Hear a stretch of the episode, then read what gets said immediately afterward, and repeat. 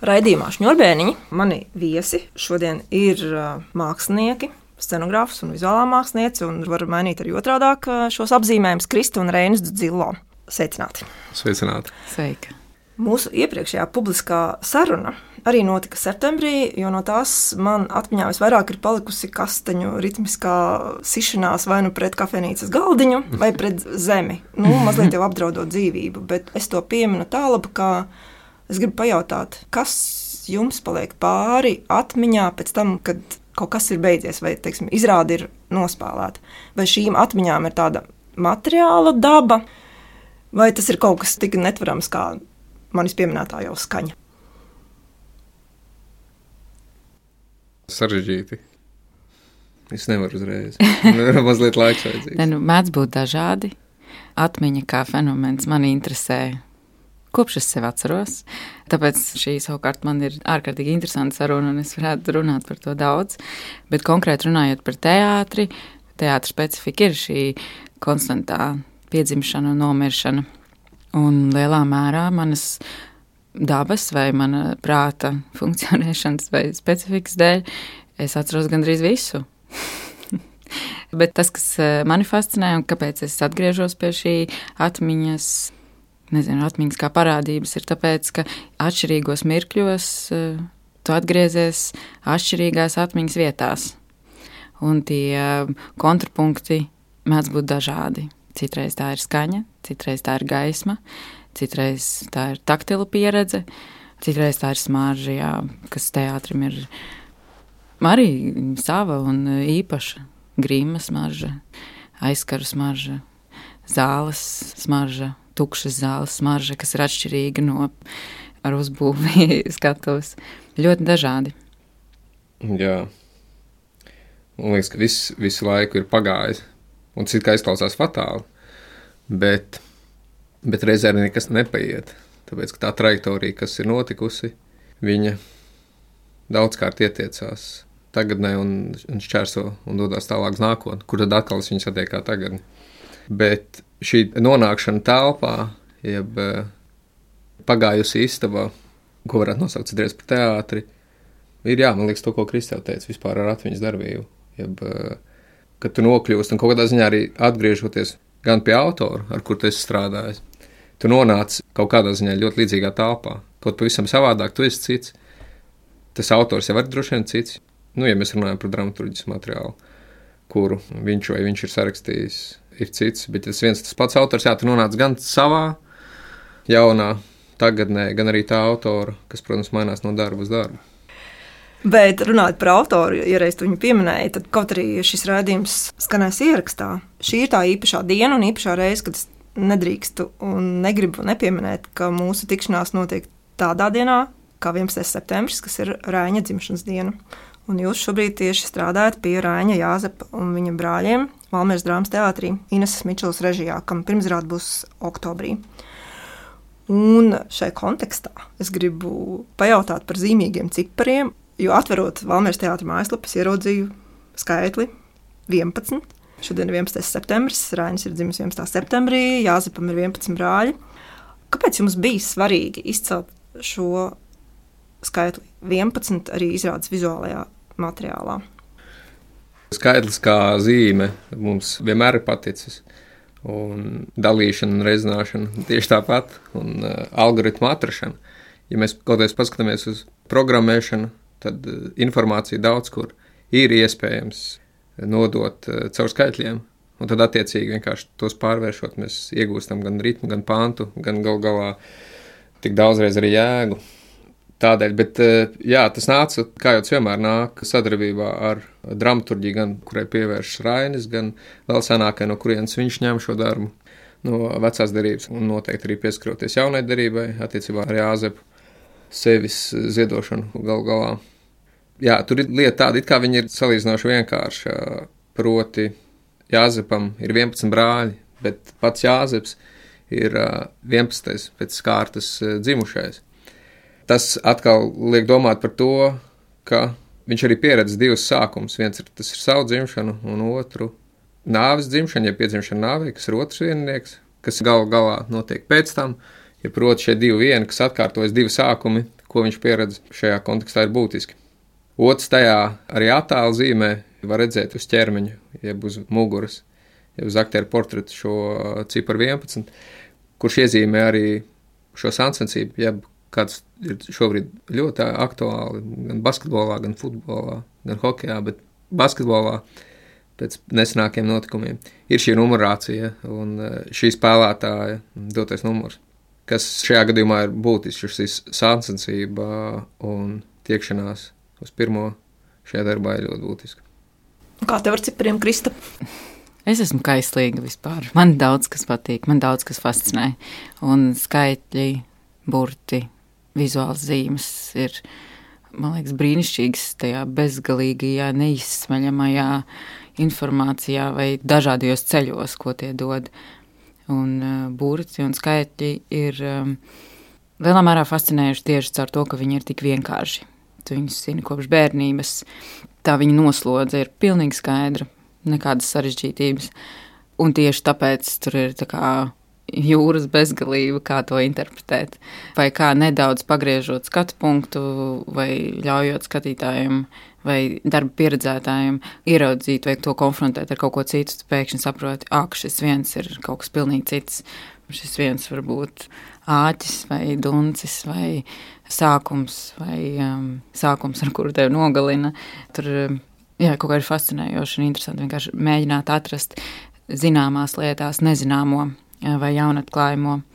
Jā, un Reins lielā mērā daudz ko izstāstīja, un, un mēs gan individuāli, gan kopā savos darbos tiecamies kaut kādā ziņā iekodēt, apslēpt, bet ja tu esi pietiekami ieinteresēts vai atvērts, kā darba pieredzētājs vai skatītājs, tad tev ir interesanti turpināties pašam tajā darbā. Man personīgi ļoti svarīgi nebūt agresīvai mākslā. Man nepatīk, kad man kaut ko liek just vai liek kaut ko saprast. Un tāpēc, kaut vai šis vieninieks, tu vari viņu uztvert, kā Rēns teica, gan kā pirmo, gan kā divus vieniniekus, kā 11, gan kā divus sākumus, un tad jau sākas tā interpretācija. Bet, protams, ir arī mūsu tās būtiskās lietas, par kurām mēs domājām, jā, gan par to vīriešu sacensību, cik tā ir skaista un ir, cik tā ir veselīga un neveselīga. Jā, daudz par to ir domāts, un tad rodas šis vienkāršais attēls. Bet vēl noteikti jāpiemina skaistais attiecībā par šo Raina dzimšanas dienu. Par to netika sākumā domāts, bet to, kas ir 11. 11. septembris. Bet savukārt Reinis zilo piedzimst 11. martā, pusgadu atpakaļ. tur arī kaut kāda paralēla. nu jā, un vēl jau, kā mēs zinām, 11. septembris asociējās ar tik daudz ko vēl citu nelabēlīgu. Bet runājot par cipriem un uh, to, cik daudz interpretācijas iespējas paveras, gatavoties šai sarunai un skatoties uz izrādes vizuālo materiālu, es pēkšņi sapratu, pagaidi. Bet divi viennieki, principā ir viens plus viens, un ir taču divi jāzepi. Mm. viens jāzeps un otrs jāzeps. Tas abi kopā veido šos vienniekus blakus, un tā mēs varētu turpināt. Bet runāt par Jā. diviem jāzepiem. Tātad Mārtiņš Meijers un Aksels Aizkalns abi pieder tomēr dažādām paudzēm. Protams, es pamanīju arī, ka tas ir 2M un 2A, bet nu labi, neiesim pilnīgā numeroloģijā vai burtu kādās nozīmēs, bet kā jums kā māksliniekiem ir veidot divus vai nu vienādus vai atšķirīgus jāzepes tieši no tāda vizuālā viedokļa, kā tas ietekmē jūsu darba izrādes? Tas mēdz būt dažādi. Tas ir atkarīgs no darba un no tā ceļa vai virziena, kuru mēs atsevišķi vai visa komanda kopā ir izvēlējušies. Man patīk domāt par konkrēto cilvēku. Man šķiet, ka ļoti daudz kas ir iekodēts paša cilvēka ķermenī, viņa vizuālajā izskatā vai gluži pretēji varbūt tā apvēršanā. Bet eh, šīs izrādes kontekstā viņi drīzāk ir viens liels kopums. Un katra aktiera atsevišķā vai īpašā individuālā unikalitāte arī ir tas, kas veidos viņus jā, man šķiet, ka šeit viņi paši rada sevi. Jā, tā kā tas vizuālā zīmē ir redzams pašs ķermenis, tad ir arī tās, kurš nes šo atšķirību. Paralēli, protams, vēl aktieru darbam un noteikti režijā un aktieru pašu interpretācijā un dialogā ar režiju. Noteikti tas būs mainīgāks nekā vizuāli aprakstot no mums no malas to. Jā, un arī es tagad iedomājos gan tajā, ko tu teici, gan to, ko Reins komentēja, ka man bieži vien liekas, ka pārāk liela atšķirība vai pārāk acīm redzamas lietas ir uh, gluži vienkārši vienaldzību radošas. Nereti, nevienmēr, bet uh, Piemēram, kaut kādās situācijās, kur es zinu, ka recenzijās ir kaut kas minēts, ka man patīk unificēt cilvēkus vai veidot pārāk līdzīgu vai vienādu sistēmu, man šķiet, ka tas ir tieši aicinājums ieraudzīt to atšķirīgo. Kaut vai vienādi uzvalki, kā katrs aktieris vai katrs cilvēks to nesā, kā vienādas lietas izskatās tik atšķirīgi, vai kaut vai kā vienādi vārdi izklausās tik atšķirīgi dažādiem cilvēkiem. Jā, man kaut kā patīk šīs mazās, skaidri vai uzreiz nenolasāmās lietas, kuras tev ir jāierauga pašam. Un, protams, tu vari neieraudzīt, tev var tas neinteresēt, un tu vari sakot līdzi citām lietām. Bet kaut kā tieši aktieru tēlu veidošanā man tiešām ļoti bieži patīk um, kaut vai vienkārši vērot to atšķirību līdzīgajā. Bet tas kaut kā ietekmē, vai tā ir nu, teiksim, mazāka spēles telpa vai lielā spēles telpa, jo varbūt uh, lielā spēles telpā tās atšķirības tur redz tādēļ, ka tu esi bijusi tūmā tam tapšanas procesam. Varbūt tas cilvēks no ļoti liela attāluma gribētu redzēt, mm. bet neredz. Vai tu par to domā strādājot? Protams, tas jau nebūtu iespējams. Man šķiet, eh, neviens no mums nav tāds egoists, ka mēs varētu vienkārši priecāties tikai par to, ko mēs paši radām, un nedomāt, ka kāds uz to skatīsies un tērēs savu dzīves laiku un arī naudu. Bet eh, nu, man kā cilvēkam, kam ir eh, brīlis, kuras es nenēsāju. Optika. Tā kā es zinu to, ka pat ļoti miglainu cilvēku no liela attāluma var pazīt kaut vai pēc gaitas. Tā kā man šķiet, ka nē, ka tā ir uzmanības lieta. Protams, es saprotu, ko tu saki, un eh, strādājot, piemēram, operā, kurā distance no pirmās rindas ir gandrīz kā Nacionālā teātra pēdējā rinda, nu, labi, es pārspīlēju, bet, protams, ka es saprotu, ka neredzēs kaut kādas detaļas, bet ir tik daudz cita, ko tu redzi. Kaut vai ceļus, sieviešu ceļus, cik viņi ir atšķirīgi. Tā ir kaut kāda man specifiskā lieta, ka man tiešām fascinē tādas mazas lietas. Kaut vai salumē, ko mēs kopā veidojām es varētu pavadīt pilnīgi kvalitatīvu veselu dienu, skatoties uz Zagnes Cirulas kāju. Un man liekas, jā, šī ir labi nodzīvota diena. Kā viņš teica, kāju. Sākumā neatceries, izrādās, sākumā viņa uzlika vienu kāju uz galda. Un jā. tad viņa uz tās vienas kājas, kas nesaprot, kā viņa to izdarīja, tā kā uzkāpja uz tā um, galda. Uh, Man katreiz likās, nu, viss, nu, šeit rodas maģija. Viņi var vienkārši kāpt nost un virsū uz tā galda. Viss izrādīja. Mazie uzdevumi. Nevis kādu priekšmetu stāstu, bet kādas kājas stāstu. Tas aizies pie gogoļa. Jā. Atcaucoties vēlreiz uz uh, to, ko tu minēji attiecībā uz autoru un atgriešanos pie autora. Nu, nereti arī par režisoru un autoru mēdz teikt, ka viņš teiksim, nu, caur vienu darbu iestudēja visus darbus. Uh, Un jūs strādājat ar Rāņa uguni un nakti. Un kā veidojas un vai veidojas šis tiltiņš no viena Rāņa darba uz otru, kam varbūt vēl var iemest tiltiņu vēl kādā tālākā nākotnē. Cik nākas domāt, teiksim, vienas lugas kontekstā par visiem Rāņa darbiem vai, teiksim, mm. lielajiem centrālajiem varoņiem? Tas ir uh ļoti dažādi. Droši vien atkarīgs no laiks, kurā tu ķeries klāt. Ir. Arī cik blīvā, ja skaidrs, es domāju, uguns un nakts gadījumā. Ja tad mēs viņu pieņemsim, veidojam. Tas bija tāds 16. gads, man šķiet. 15. uzrāņa jubilejā. Lūk, vēl, vēl senāk. Mēs arī Daugavā peldējām, es atceros. Pirms rāds naktī. Viesurs mēģināja atrunāt no pārāk tālas došanās, peldēt. Ne, viņš pēkšņi kļuva ļoti tēvišķis kāds. Viņš reti, kad ir.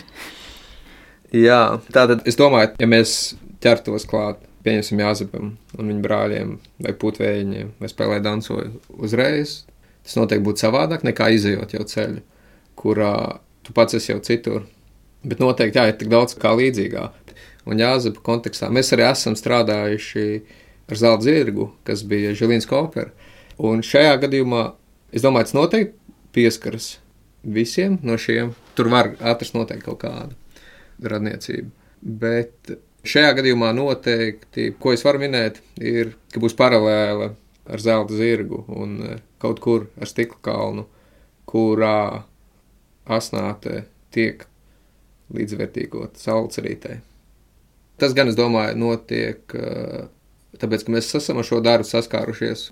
Bet šeit notiek gan mazliet savādāk. Ja mēs pieņemam, ka Jāzeps ir antiņš, tad otrais cēliens, jau lūgts ceturtais un piektais cēliens, ir jau laiks pēc tam, kad Antiņš ir salcerīti, ir kādu laiku dzīvojis kopā. Šāda interpretācija varētu pastāvēt un vizuāli tas var aizvest eh, šādā interpretācijā. Nu, jā, tas ir neizbēgami, tīpaši Raņa kontekstā, kurš arī cikliski griežas kaut kādos ciklos, no kuriem viņš netiek ārā. Ir šī mūžīgā cīņa, mūžīgā sevis meklēšana, vērtību pārvērtēšana. Tā neizbēgami tas ietver, bet uh, Rainis, kā mēs zinām, par spīti visam, tomēr nomira, kā viņš negribēja. Bet mēs esam dzīvi un mēs jau maināmies. Tā kā tur ir atsaucis, protams, jo prāts jau kaut kādā mērā ir tas pats mūsu, bet mēs esam citi. Kā mēs skatāmies uz tām lietām, man šķiet, eh, nezinu, par vienu centimetru garāki vai nedaudz vecāki. Jā, desmit minūtes. Un tad, protams, atkal, cik daudz kādam ir interesanti par to domāt un veltīt tam laiku, vai atrast interesi. Jā. Piemēram, viens no iemesliem, kāpēc man ļoti patīk eh, Lārs von Trīra filmas, ir eh, tieši tāpēc, ka ir šis jaunais stāsts, ir šī jaunā pasaule, kas ir uzbūvēta, kurai tu vari sekot. Un tad ir bezgalīgās atsauces uz iepriekšējiem, gan individuālajiem, gan citu cilvēku darbiem.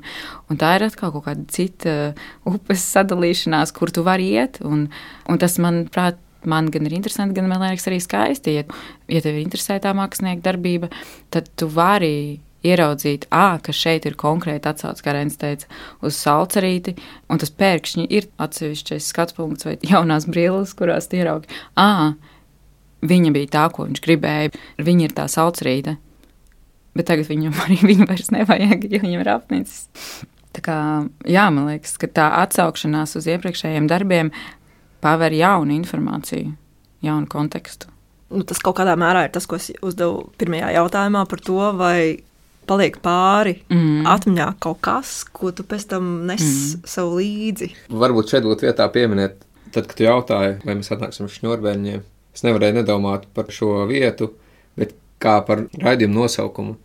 Jo šņurbēniņi tas arī ir jau pagājis jēdziens, kurš vairs neeksistē. Šņurbēniņi eksistē, bet tādi teātrī bēniņi, kuros būtu šņūrs, ja tie mehānismi, kā ir nosaukt šis raidījums, neeksistē vairs. Sen jau tās ir uh, elektrisks vadāms troses. Tā kā jā, tas kaut kur sasaucās vienkārši. Nu, tad, ejot atpakaļ pie Jāzepa, man jājautā, Nu, redz, šņurbēniņos ir troses. Tad, kad Rainis rakstīja, ļoti labi kaut kā, man liekas, varēja redzēt pat vienalga kādām acīm vai ar optiku vai bez to bedri, kurā iemet jāzipu. Kas šodien ir tā bedre? Mākslinieka interpretācijā tā bedre, kurā jāzipu met. Es nezinu, viens man uzreiz liekas, tā ir vienkārši dzimšana. Ko varētu teikt, tā ir izkrišana. Tur ir droši vien jautājums, jebkura iekrišana kaut kur ir izkrišana no iepriekšējā stāvokļa un iekrišana jaunā. Jā, man pirmais sanāk tas prātā. Jā, tu, protams, to pavērsi tādā kādā ziņā plašā.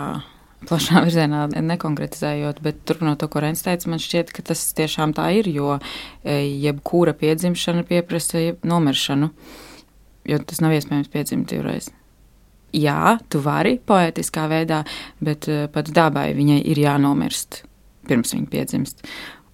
Tā kā droši vien ka nāve kaut kādas formas, poētiskas, vēlams. Bet tur ir vēl šie divi lielie jēdzieni, kas patiesībā arī ir uh, filozofiski Kanāna un Eģipte, un par ko, protams, arī, man liekas, tieši vizuālā aspektā ir jādomā uh, ļoti kā to šodien parādīt. Un, izējot no jūsu atbildes, es pēkšņi aizdomājos par to, ka tā pārēja no Kanānas Eģiptē, protams, ir nu, nezinu, no vienas civilizācijas otrā, no vecās pasaules jaunā, un tajā pašā laikā tā jaunā pasaule neizslēdz to, ka tur parādās viesi no vecās pasaules. Tātad šīs mm. abas pasaules mm. eksistē mm. vienlaicīgi. Jā. Tad, kas šai vizuālajā risinājumā ir tā Kanāna un Eģipte? Jā, man liekas, to, ko aprakstīt, tas tā arī ir. Tā, tā ir uh, iepriekšējās telpas turpinājums, kurā kritiens ir noticis nevis uz leju, bet uz augšu. Viss ir visu laiku arī tajā interpretācijā, kā mēs to esam atrisinājuši. Vai tu vari mazliet auditorijai, kas Jā. nāks, kad izrāda ieskicēt, jo es ceru, ka mēs laikam kādām intrigu, kā tas ir jāredz, bet vai tu vari Jā, nu, laikam, ne, es vispār, es atceros ilgu laiku, man vispār bija problēma ar uh, atklāšanu. Kaut kā liekas, ka tas teātris ir brīnums, un tā pirmreizība. Es atceros arī sākotnēji, mums bija man vairāk bija problēmas ar fotografiju rādīšanu vai tam līdzīgi. Bet kaut kā kļuva ar vien vieglāk ar laiku, saprotot, ka, un par laimi, ka jebkurš attēls, vismaz mūsu gadījumā mums tā šķitis, ir mazāks par to tagadnes spēku, ko nes iestādējums. Tā kā galu galā mēs neko nezaudējam, un es varu mazliet vairāk pastāstīt, protams, neaprakstot detaļās. Bet, ko es teicu arī atbildot, kas ir bedre vai kas tas ir, ka tā ir piedzimšana, un tādā ziņā šī bedre ir viscauri un visu laiku klātsoša. Tu vienkārši pateici tieši tikpat poētiski kā pirms tam, bet tas bija jauki. Jo pats sākums, kurā Jāzeps arī sapņots, redz šo bedri. Tātad mēs uzreiz esam ar viņu pirmkārt caur šo sapni šajā bedres, ja pazemes nogājuši pagrabā. Tad, jā, skatītāji ir uzreiz jau līdz ar viņu nolaisti jau zem zemes un pamazām. Tad kā notiek šī pacelšana augšu? Pasaule bez ūdens arī poētiski. Jā. Jā, bet mēs domājam gan atsevišķi, gan kopā par to, kas ir šīs abas vietas un ko tās nozīmē darba kontekstā. Rainim es nevaru zināt, ko tas nozīmē, bet uh, kas ir šī Eģipte mūsdienās, kas ir tas karstais, bez ūdens, jā, iekārojumā, labklājības vieta un kā viņa atsaucas uz cilvēku ķermeni. Jā. Jā, un vēl kas noteikti svarīgi šajā visā sakrā ir arī upuru klātsamība. Un caur šo ķermeni noteikti šis upuris kļūst uh, patīkamāks dieva acīm. Un vēl, kas atsaucās arī rezultātā, es domāju, ir uh, cipari un vārdi, jeb šis uh, vārds, kurš to piepildīts, kurš piepildās. Vārds, kurš tiek pasvītrots, vārds, kurš tiek uh, padarīts skaļāks. Tas arī ir būtiski. Bet jums ir svarīgi pašiem strādāt pie darba, zināt vai pētīt, kādi ir nu, teiksim, iepriekšēji risinājumi tik konceptuāliem darbiem, kā nu, Jāzeps, viņa brāļa, vai Uguns un Nakts, vai Salome, vai Pērs Gins, jeb ideālā variantā jūs būtu pirmatklājēji kādam dramaturgiskajam materiālam, kā to vizualizēt. Cik par to sanāk domāt? Man liekas, viss, kas ir radīts, ir labi. Tā kā nenorobežoties no tā, protams, nav iespējams ieraudzīt visu. Ja varbūt ar kaut kādu komandas palīdzību ir iespējams nonākt. Tajā gadījumā, ja mums liktu izvēlēties, vai mēs zinām kaut ko, kas ir pirms tam darīts, vai nē, mēs noteikti iet pirmo ceļu, uzzinot, kas tad ir tik veikts. Jo es pieļauju, ka daži atklājumi, kāds vienmēr arī, piemēram, stājoties akadēmijā, es atceros, mums teica, izsvītrojiet pirmās trīs vai četras idejas, un tad sāciet mazliet vēlāk. Jā, varētu tā teikt, bet es domāju, citreiz varbūt šī pirmā ideja kaut kādā mistiskā kārtā var būt pilnīgi tā kā septītā vai astotā ideja, par kuru tu domā. Un varbūt, tas pat izklausās it kā vienādi, bet tas ir pavisam savādāk. Jo tas kas nav absolūti būtisks, bet tieši kā. Bet jā, mēs noteikti ņemam vērā un mēģinām mācīties no izdevušiem un neizdevušiem darbiem. Nu, ja tie, kas šķiet neizdevuši, skatoties, pieņemsim tos tajā vizuālajā interpretācijā. Nu, arī režijas valodā, protams. Jā, protams, vajag skatīties. Jo zināšanas vai mācīšanās, es nevaru iedomāties, ka var būt slikta. Šeit tas ir viens no auglīgākajiem, labākajiem, labākajām barībām vispār, kāda var būt. Tā kā mēs skatāmies, jā, un kaut kādā ziņā izslēdzam šos ceļus, kuri jau ir ieti. Vai vispār ir kaut kāda vēlme būt pilnīgam jaunatklājējam, Nezinu. Man būtu jādomā ilgāk par to. Gribas, protams, lai tas ir kaut kas jēdzīgs un uh, varbūt kādu transformējošu, un arī pašus transformējošu, bet, uh, bet vai tas būtu pamatustādījums būt jaunatklājējiem, man šķiet, ka nē. Man šķiet, ka arī pavisam vecas lietas var būt jaunas. Jā, bet, ja to salīdzināt ar spēli, tad šajā gadījumā mēs to varētu salīdzināt. Man liekas, tā nepieciešamība ir pēc guvuma. Ne, nu, tev vienkārši, jā, lūk, atklājas daudz vairāk nekā reizes gribētu šeit. Tā Nē, ir. Un, man liekas, tādā ziņā, Treniņam vienmēr vajag uzvarēt. nu, pie, ja mēs salīdzinām ar sportu, Tu iesi vārds izdarīt to pašu, ko kāds jau ir izdarījis. Tas nav nekas jauns. Šī pati darbība nav jauna, bet tā pieredze, tas, ka tu biji spējīgs aizvadīt un iesaistīt tos vārdus, man liekas, ir būtiski. Tajā gadījumā varbūt tas atsaucās. Tas nav tik svarīgi citreiz. Man liekas, svarīgi un noteikti, un mēs nekad uh, apzināti negribam atdarināt vai iet kaut kādu redzētu ceļu, un likt, ah, lūk, mēs izdarīsim mazliet savādāk, bet sakosim lūk tam piemēram. Tas noteikti nav tā, līdz ar to tā jaunatklāšana pašam priekš sevis ir būtiska. Jā, viņi būtu pašam priekš sevis, un tad, protams, ja tas kaut kā gadās tā, ka tas kaut kādā kontekstā atklāja arī kaut kādā lielākā lokā, tad tā nav slikta sajūta. Runājot par joprojām par Raini un par lugām, cik lielā mērā ir nozīme tam, ka nu, Rainis arī nav bijis slings un diezgan daudz nodarbojas ar remarkām, no kurām turklāt lielākā daļa neatbilst tādām īsti realistiskām teātra iespējām. Nu, tieši pretēji patiesībā, man liekas, ka dažkārt tas ir bijis par šķērsli. Kādēļ atsevišķi režisori, piemēram, uzrunāt, iestudēt raini, nobīstas, jo saprotu, ka to nevar materializēt tādā veidā. Un savukārt jūs, kā vizuālie mākslinieki, vai jūs vairāk iedvesmotiem meklējumiem šīs nereālistiskās remarkas, jeb tomēr jūs primāri skatāties tekstā un meklējat tekstā to, kā tas viss varētu vizuāli izskatīties. Nu jā, pamatā es domāju, tas noteikti ir tekstā, bet gal galā remarks arī ir teksts. Bet noteikti tas ir vairāk tajā, kas notiek pēc remarkām. Lai gan mirkļiem ir diezgan jautri lasīt tas remarks, viņš var izprovocēt uz kaut ko. Šeit remarkā uzreiz sākumā ir rakstīts, ka tas ir 3500 gadus atpakaļ. Tas jau iedara ļoti labi. Tu jau mūs zini, un es domāju, cilvēki, kuri sako līdzi tam, ko mēs darām, zina, kā mēs strādājam. Un maz kas var būt vēl garlaicīgāks, kā sakot, burtam. Man liekas, tas izslēdz kaut kādu jaunu radi vai, nezinu, radīšanas prieku vai piedzīvojumu prieku.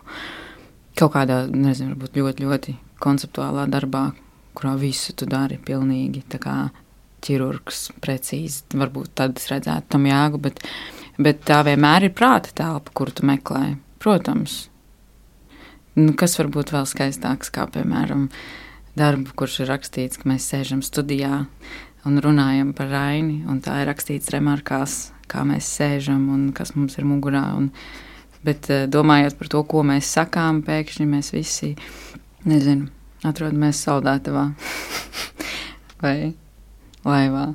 Protams, tu meklē prāta telpu, lai pavērtu atkal šīs bezgalīgās interpretācijas, lai radītu mākslas notikumu, kurā pēkšņi šis teksts, vienalga vai sadzīvisks, vai poētisks, vai dzīslis valodā, tu iedod viņam jā, kaut kādu vēl vienu dimensiju. Tas ir pilnīgi atšķirīgi, kā kādu teikumu saka, piemēram, vecs cilvēks, bērns vai pusaudis. Un tev pilnīgi cita informācija atnāk. Nu, jā, mēs vakar satikām manu māti, tad manā mamma ir galvā. Vai tu satiec savu mammu uz ielas, vai tu satiec pie nezinu, vecmāmiņas skapa. Šis teikums pilnīgi izmainās. Nē, tikai prāta telpa ir jāmeklē. Nu, te, protams, atceros mūsu satikšanos pie pērģīna un pasauli, kas tavā galvā ir. Ja? Mm. Bet uh, vēl par šo tēmu, un tur arī piesauc jēdzienu teikums. Tas, kas manī pašai pa brīdim pārsteidz, ka pārlasot un pārlasot un pārlasot, un tu visas dzīves laikā tomēr neskaitāms reizes esi spiests vai vēlējies pārlasīt uh, Raņa Lugas vai, teiksim, vispār lielo dramaturģiju citu. Un tu sev par pārsteigumu katru reizi atrodi citu teikumu, kas principā ir šis atslēgas teikums visam darbam. Mm. Un tad, protams, es nevaru nejautāt par Jāzepu un to vienu teikumu, kas šobrīd katram no jums ir uh, bijis atklājums, vai šis atslēgas teikums strādā pie jaunās izrādes.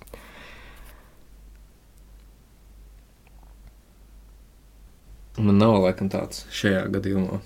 Bet uh, vēl ir viena cita lieta, proti, tajā brīdī, kad mēs intensīvi lasām materiālu, tas bieži vien ir krietni, krietni pirms e, izdevuma sākšanās. Tur slēpjas viena atbilde. Tas līdzīgi kā vizuālā mākslā, jeb akadēmiskā zīmēšanā. Kaut kādā ziņā tev visu laiku vajag pamest e, to plakni, uz kuras tu attēlo. Nu, ja tas ir kluso dabu, pieņemsim, zīmējot, vai, ģipšu galvu vai jebko citu. Tad tev ir vajadzīga šī distance atkāpjoties no tās virsmas, uz kuras tu projicē to attēlojamo, jeb to, ko tu radi.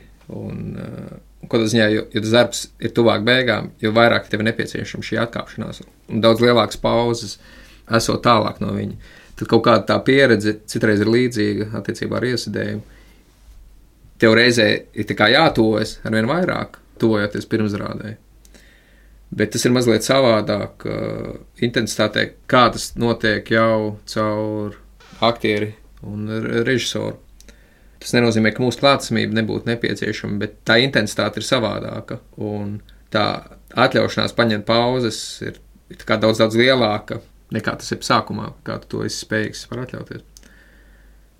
Un tad, protams, ir atkal pēdējās desmit dienas, ir atkal pilnīga diennakts klātsamība, kurā tu atbildi atkal par visu.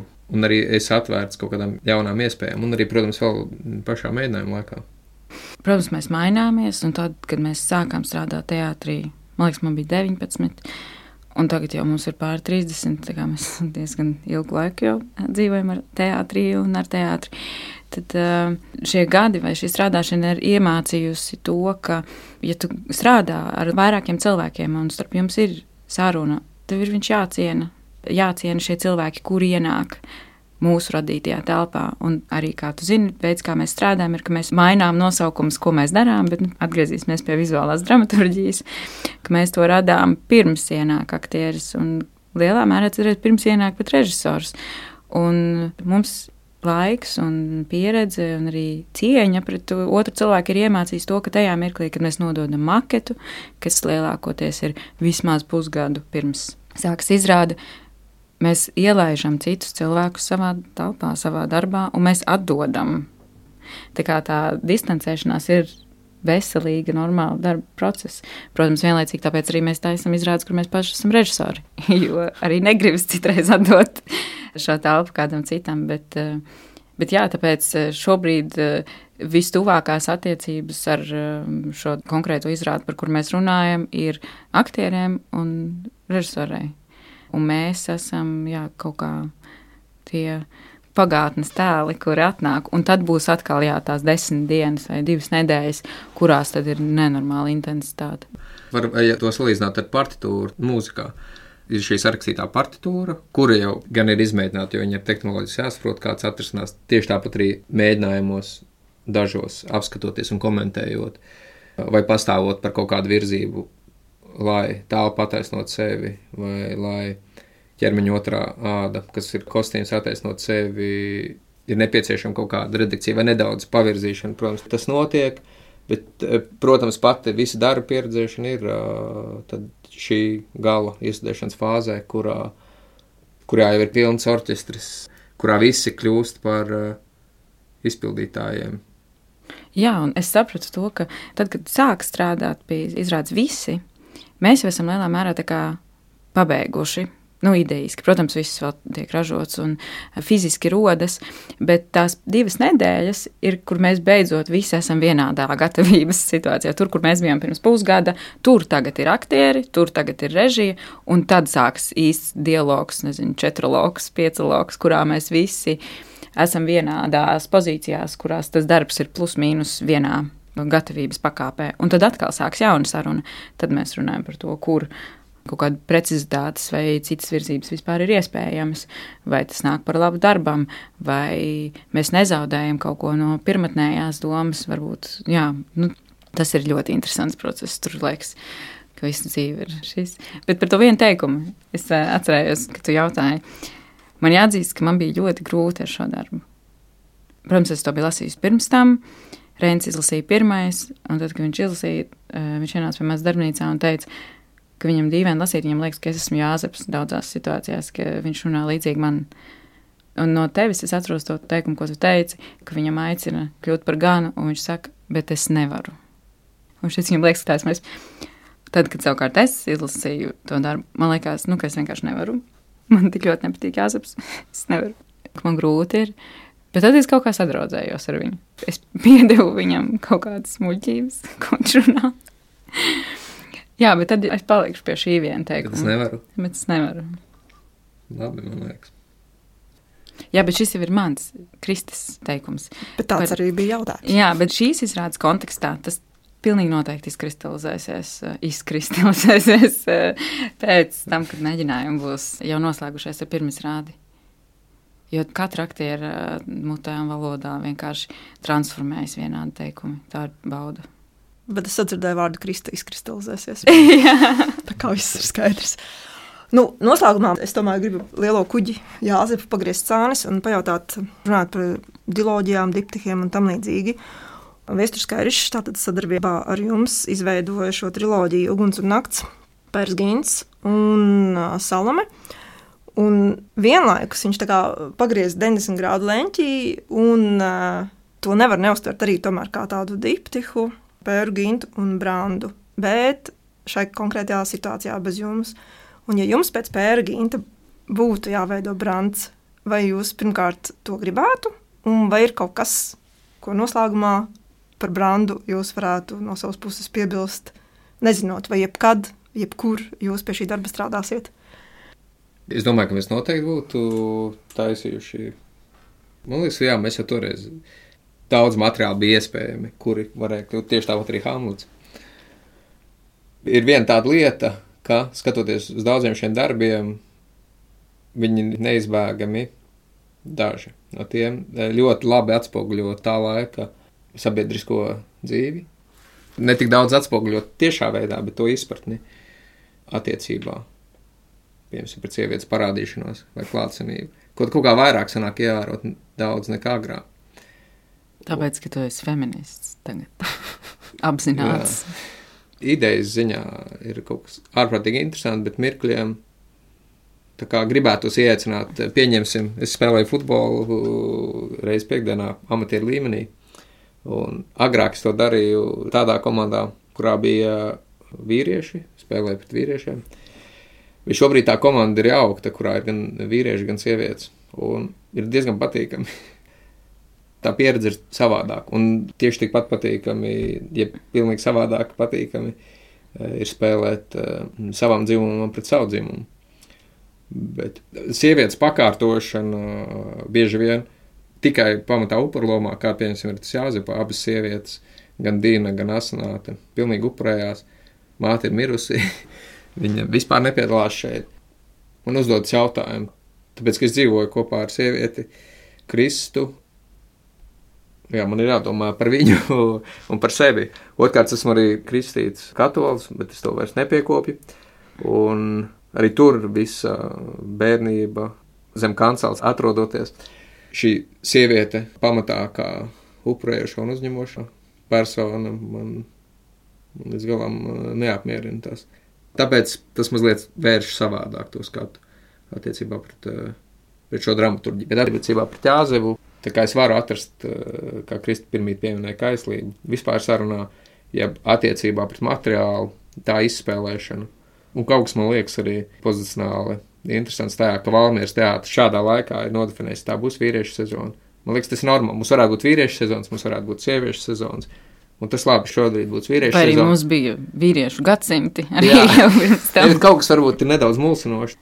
Šajā laikā vēl it kā pozicionēt to tādu, bet reizēm, man liekas, ja mēs skatāmies uz cilvēku, tad šajā gadījumā tas ir tā, bet es vienkārši atceros kaut ko citu. Proti, Jāzus un viņa brāļi.